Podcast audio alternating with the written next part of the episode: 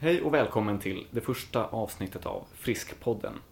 Jag heter Gustav Bergen och är branschansvarig för Almega Friskvårdsföretagen.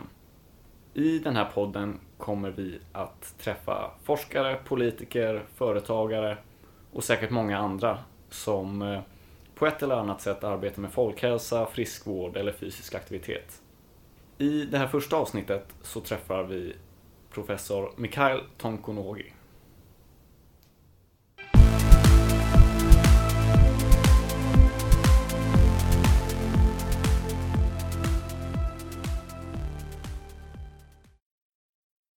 Professor i medicinsk vetenskap vid Dalarnas universitet. Vad, vad betyder det? Som professor så ägnar man en hel del tid åt att forska. Det vill säga försöka få svar på angelägna frågor. Men man också undervisar studenter, doktorander, blivande forskare. Och är man samhällsengagerad så försöker man även sprida kunskap till allmänheten. Mm. Och du är ju något av en expert på det här med fysisk aktivitet och hälsa och jag har läst eh, en av dina böcker i alla fall men också läst lite texter och intervjuer med dig. Man pratar ofta om riskerna med stillasittande men om vi, om vi vänder på det istället. Varför är det bra att röra på sig? Vad händer i kroppen när man rör på sig och vilka blir effekterna? Våra kroppar är helt enkelt designade för att vara fysiskt aktiva. Och vi är också designade för att vara så energibesparande som möjligt. Om du inte rör på dig, det vill säga du signalerar att jag behöver inte mina muskler, jag använder dem aldrig. Då försvinner de och det medför en hel del väldigt allvarliga hälsokonsekvenser eftersom muskelvävnad är en aktiv vävnad som har en hel mängd livsviktiga funktioner. Vi har ju alla konstant kroppstemperatur på 36,6 grader oavsett om det är plus 20 eller minus 20 ute. Det vill säga vi måste ständigt producera värme och det är muskulaturen som gör det. Muskulaturen är också ett förråd av olika livsviktiga substanser. Det är kroppens förråd av protein, även kroppens allra viktigaste antioxidant som heter glutation finns lagrat i muskulaturen. Och blir du sjuk eller skadad någonstans så kan musklerna släppa ut glutation som transporteras till det skadade stället och reparerar skadan. Och är du vältränad och har lite muskler på kroppen så har du mycket glutation att släppa ut. Och du klarar av nästan vilka påfrestningar som helst. Har du små otränade muskler då har du väldigt lite glutation att släppa ut minsta lilla sjukdom eller skada och det blir allvarligt. Nu har man upptäckt att muskulaturen även kan rena blodet från olika giftiga substanser. Till exempel när vi blir stressade eller deprimerade så finns det ett ämne som börjar cirkulera i blodet. Och muskler kan, om de är vältränade, kan rensa bort den här substansen. Det vill säga muskler fungerar lite grann som njurar eller lever. Och är du vältränad och har muskulaturen i trim så är du mycket bättre rustad för att möta olika hälsoutmaningar. Men intressant. Jag, när jag började arbeta för friskvårdsföretagen så det gav också mig en spark i rumpan och faktiskt börja träna på riktigt. Inte bara vara en av de som, jo men jag tränar men så tränar man bara ibland utan det sporrade mig till att faktiskt det beror också på att jag läste så mycket om mm. Nästan varje dag så läste jag forskning om fysisk aktivitet och då blev det att jag satt och läste vid datorn och så ställde jag mig upp och höjde jag skrivbordet och kände att jag, jag, kan inte sitta still längre utan jag måste börja träna Nej. på riktigt. Ja.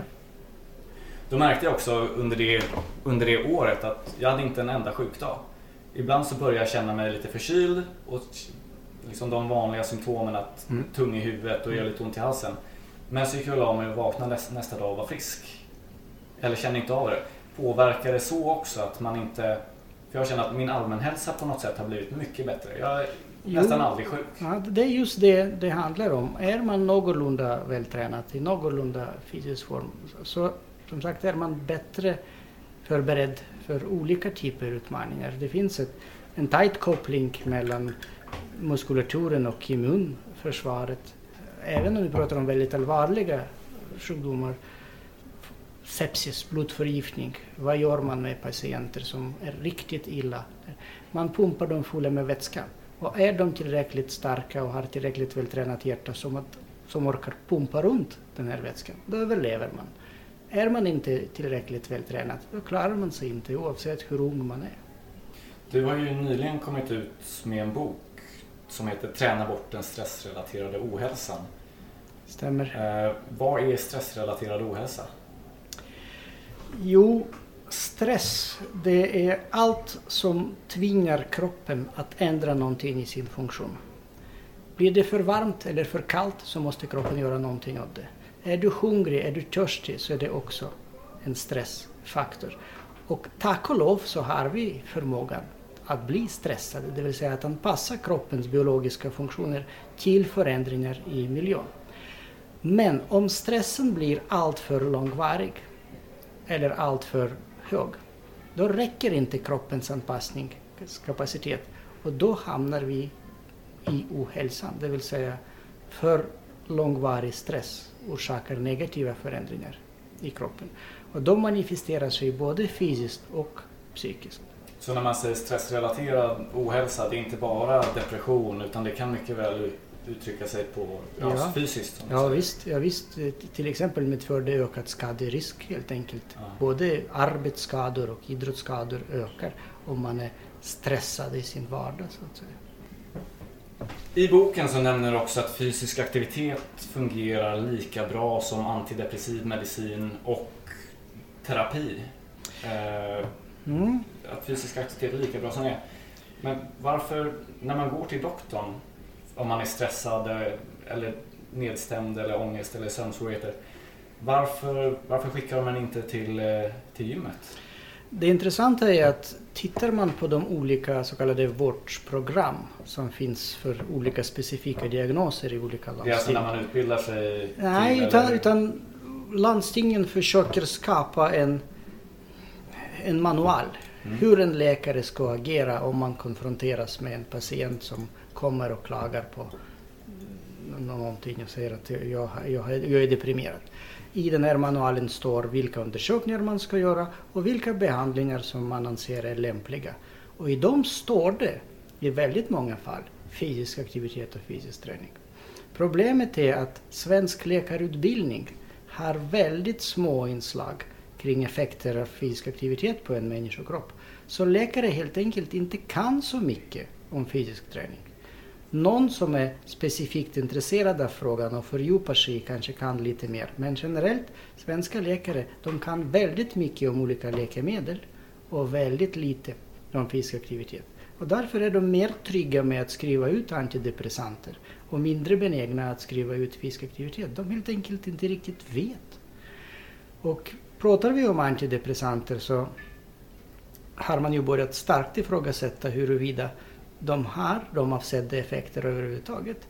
Och speciellt när man kommer upp i åldrarna vet man att de definitivt inte fungerar. Mm.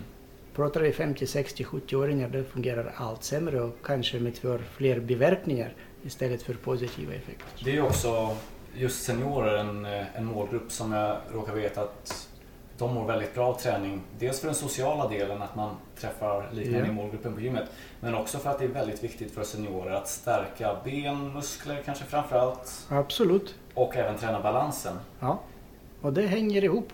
Får du mer vältränad muskulatur så får du automatiskt bättre balans.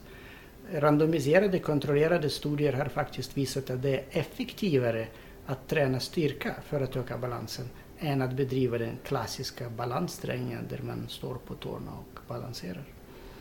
Men alldeles riktigt, seniorer är speciella för, för där är egentligen nedgång i muskelstyrka och muskelmassa den största orsaken till ohälsa generellt.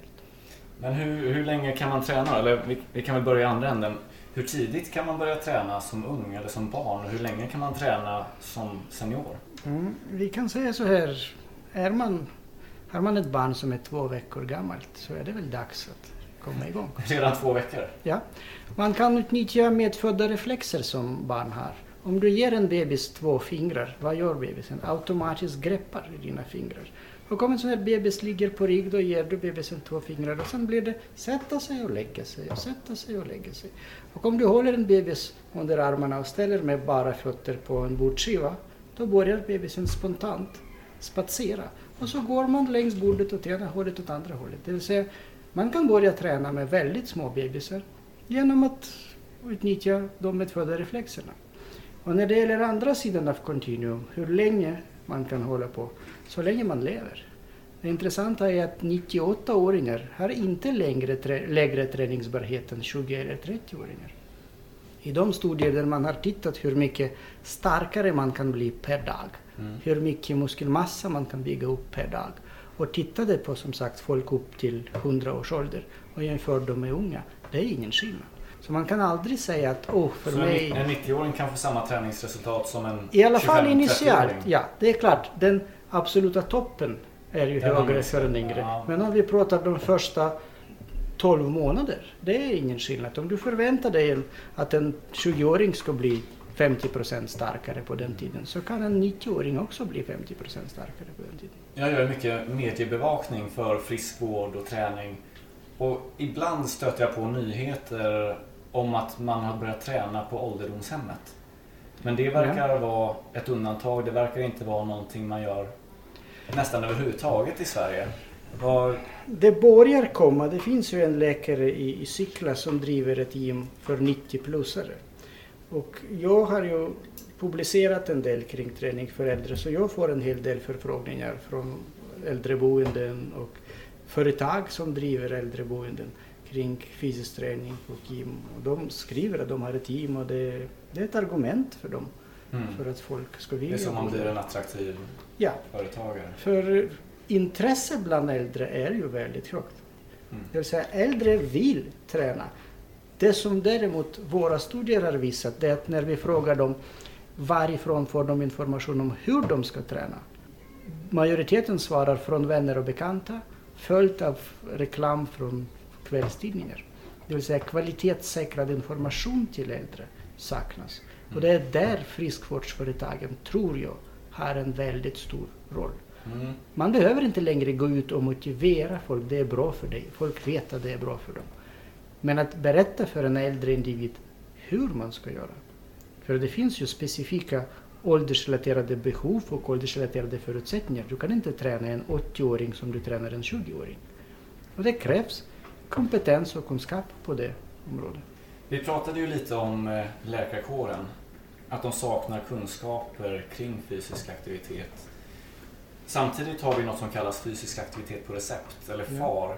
som jag tror att det 2014 skrevs ut 150 000 recept Ser vi det i helhetsperspektivet så är det oerhört lite naturligtvis. För jag tyckte nästan att det lät så mycket. 150 000 personer har blivit tillsagda att de ska gå och träna. Om du tänker dig hur många som får läkemedel förskrivna ja. så hamnar vi på helt andra nivåer. Dessutom finns ju väldigt stora regionala skillnader. I vissa landsting, i vissa delar av landet så har man kommit mycket längre med FAR. I andra delar av landet har man inte alls vart har, man, vart har man kommit längst med FAR och vet du hur man arbetar där? Jag tror att i Stockholm har man hunnit ganska långt. I, i, hos mig där jag är verksam i Dalarna är det inte alls på samma nivå. Men det blir ju ett problematiskt när, när läkare skriver ut en lapp där det står fysisk träning. Man hamnar hos en PT som inte heller kanske är speciellt insatt i hur man ska träna folk med ett specifikt problem. Med kanske hjärt-kärlproblematik eller med diabetes eller med benskörhet eller med reumatiska sjukdomar. Jag ser ett behov av en särskilt utbildad yrkeskår inom PT-professionen. Människor som vet hur man tränar just folk med olika hälsoproblem. Det behövs PT som kan fungera som fystränare och stötta elitmotionärer. Sådana som tävlar egentligen lika mycket som elitidrottare fast inte på samma nivå. Men det, det behövs också en speciell yrkeskategori av de PT som är ett slags medicinska tränare som fyller den här nischen där terapeuter inte mm, räcker till. För mm. fysioterapeut, du, du, får, du blir remitterad till en fysioterapeut när du har någon funktionsnedsättning. Sen när du börjar fungera hyfsat okej okay, då är du klar hos sjukgymnasten. Men du ska ju hålla på med fysisk aktivitet hela tiden, hela livet. Men du har dina specifika förutsättningar och specifika behov. Och det vore väldigt önskvärt om friskvårdsföretagen hade satsat en del resurser på att förbilda sina PT just i de frågorna. Om man till exempel, om vi tar det som är förmodligen det största hälsoproblemet i Sverige idag, stressrelaterat ohälsa. Där går man ju oftast genom olika faser. Och är man djupt deprimerad och är helt nere, det är inte så att man tar på sig rosa träningstights och, och springer till ett grupppass. Utan man vill träna för sig själv, oftast i en miljö som man är bekant med, där man inte får så mycket intryck. Och då måste du ha en PT som vet att mm. för dig, just i den fasen, är det den här typen av träning som passar. Har man kommit längre i sin rehabiliteringsprocess så kanske man vill vara bland folk men inte kommunicera så mycket med folk. Och då måste man som PT kunna pejla av det. Som sagt, det förutsätter visa åtminstone grundläggande kunskaper om vilken typ av träning som är lämplig för olika typer av sjukdomar, olika förutsättningar, olika faser och så vidare. Och som sagt, det är inte sjukgymnasternas jobb. Sjukgymnaster gör det från väldigt sjuk till någorlunda fungerande. Men de som måste ta hand om dig på livstid egentligen, det är PT som ser till att du är fysiskt aktiv på rätt sätt. Hur mycket, hur mycket ska man träna då? Eller om vi, om vi släpper de, de som är sjuka på olika sätt mm. och behöver mm. det i ett rehabiliteringssyfte. Ja. Men om man, om man är fullt frisk, ja. eh, i alla fall något sånär, mm. eh, och mår hyfsat bra och inte har några större problem. Hur mycket ska jag börja träna och, för att inte bli sjuk eller för att undvika sånt här? Och hur effektivt är det egentligen för att slippa? Om jag börjar träna några gånger i veckan, mm. är jag säker då på att jag kommer inte bli deprimerad eller jag kommer inte... Hur... Säker kan man aldrig vara från någonting i universum. Men det intressanta är att väldigt låga träningsdoser ger dig väldigt stor reduktion av risken att drabbas av olika sjukdomar. Till exempel 30 minuters styrketräning per vecka reducerar risken att drabbas av hjärt-kärlsjukdomar med 23 procent. Det är enormt mycket. Det är enormt mycket. 30 minuter per vecka? 30 minuter styrketräning per vecka och du har 23 procent lägre risk att drabbas av hjärt-kärlsjukdomar. Konditionsträning som du utför dagligen, så 30 minuter per dag, du tar snabba promenader, mm. reducerar risken för hjärt-kärlsjukdomar med 18 procent. Så om du följer WHOs rekommendationer och kör dina dagliga promenader plus ett par gånger i veckan går till ett gym och tränar 30 minuter med PT. Mm. Det, det, är en reduktion som du omöjligen kan få med, med läkemedel eller något annat. Det, det, är fantastiskt. Det är det som är så intressant också med fysisk aktivitet. Vi pratade om antidepressiva tidigare mm. och det tacklar ju ett specifikt problem. Ja. Men med fysisk aktivitet så dels så får du samma Man effekt som antidepressiva. Men du förebygger ett brett spektrum av olika sjukdomar. Och det är allt från metabola sjukdomar som diabetes och hjärt-kärlproblem. Men även Alzheimer, demenssjukdomar, benkörhet. Mm. Det är nästan svårt att hitta sjukdomar som du inte kan förebygga. Vissa cancerformer vet vi också. Mm. Du kan förebygga med det. Det är det som är det positiva. Du gör en insats och du minskar risken för en hel rad av de vanligaste folksjukdomarna. Men varför, varför tränar inte fler?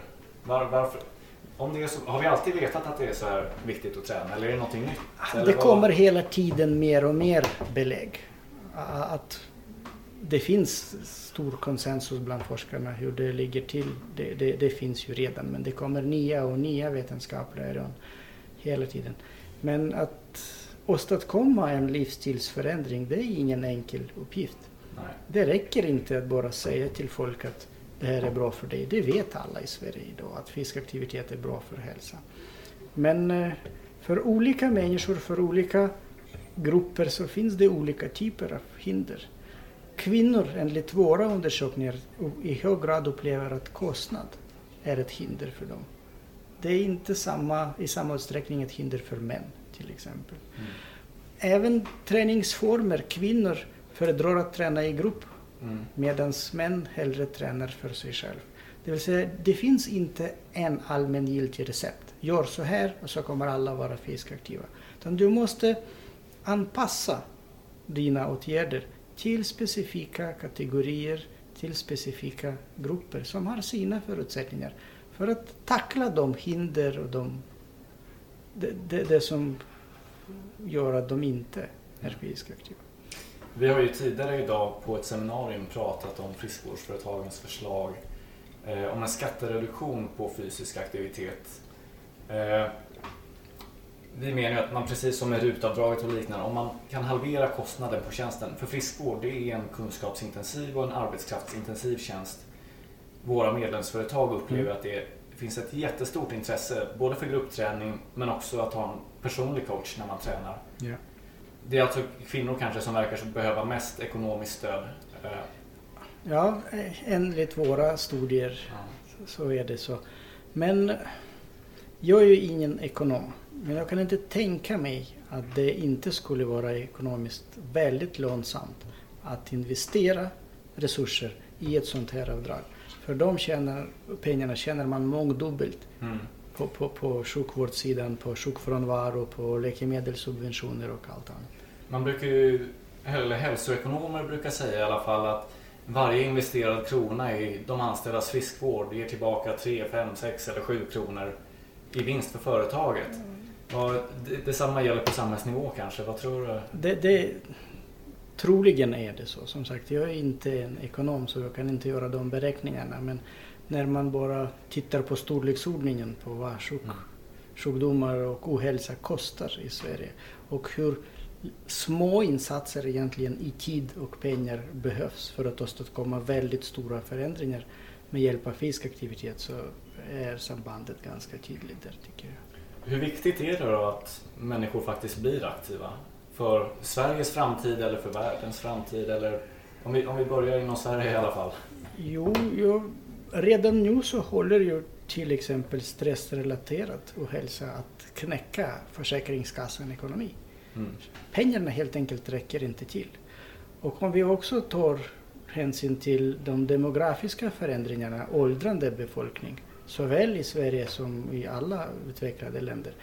Om man inte får folk att röra på sig mer så, så är det inte social, samhällsekonomiskt hållbart överhuvudtaget. Mm. Ingen samhällsekonomi kommer kunna bära de kostnaderna.